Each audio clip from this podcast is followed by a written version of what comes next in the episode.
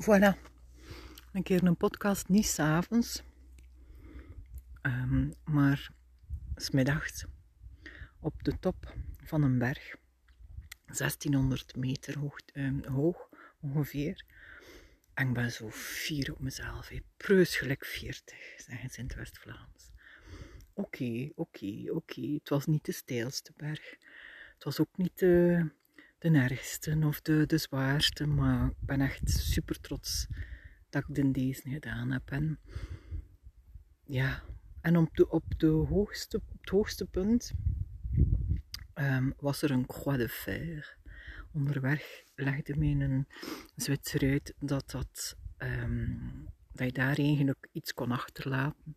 En dat dat symbolisch was om al uw zorgen en al uw teleurstellingen en al uw ja, alles wat hij wilde achterlaten, achter te laten. En wel ja, ik heb dat dan, dan maar ook gedaan. Het was daar super druk, om een of andere reden. Terwijl dat er eigenlijk onderweg bijna niemand is.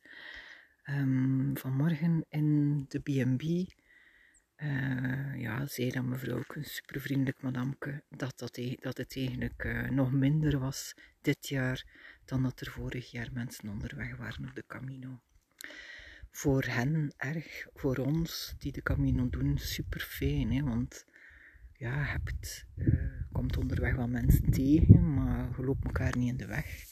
En er is altijd wel een plekje in een hotel. Maar om nu weer terug te komen over de berg.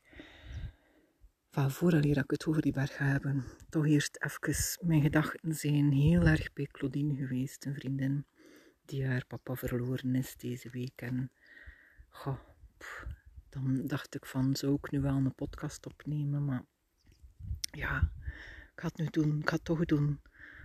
Um, omdat die, die berg eigenlijk ook een stukje het leven is. Zo, um, hoe raar dat ook is. In het begin, als, als ik zo die eerste kilometer doe, zo aan 2, 3 procent, dan denk je van, pff, lastig, amai, lastig.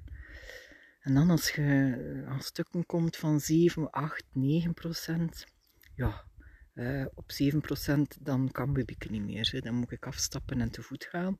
En als ik dan een stukje te voet ga, dan denk ik van, oh, dat ziet er hier platter uit. En dan begin ik weer te fietsen. En dan zie ik dat toch ook 2 of 3% is. En dat was in het begin van de berg. En hoe, hoe meer dat je die berg opgaat, hoe meer dat dat zo is. Uh, op een bepaald moment kon ik zelfs fietsen als het 5% was. Ah, my, trots op mijn eigen, ongelooflijk. Um, ik zit nu niet zo heel erg ver niet meer van Compostela, denk ik.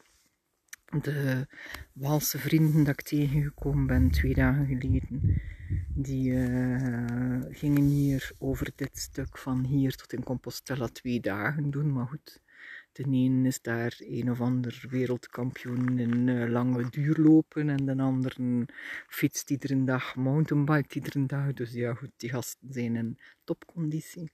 Dus niet te vergelijken. Um, maar ik denk dat ik toch binnen een dag of vier al in Compostela zal zijn.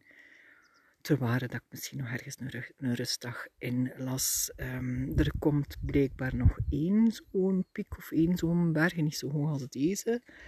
Uh, maar toch nog, uh, vanaf nu gaat het nooit niet meer, uh, nooit niet meer plat zijn, altijd maar heuvelachtig. Maar ik ben echt trots op mijn. Nu nog naar beneden. Enfin, trots op mijn eigen. Al moet ik zeggen van dat is nog in niks in, vergelijking met wat dat er um, vier gasten van de triathlonclub gisteren gedaan hebben. Dat is in zes uur drie keer de Mont Ventoux oprijden. Dat is de Club de Cinglé, zeggen ze dat. Of dan behoor je daartoe. Ik moet wel zeggen dat er daar van die vier, dat er daar drie zijn van dezelfde familie. Hè, Frans uh, als vader, dat kan niet missen. Dat is zot van zijn eigen al, zonder dat dat de man van toe moet oprijden. Uh, maar misschien ooit, who knows, uh, ga ik dat één keer oprijden. Maar ik heb geen ambitie om dat drie keer te doen. Goed, bye bye, tot de volgende.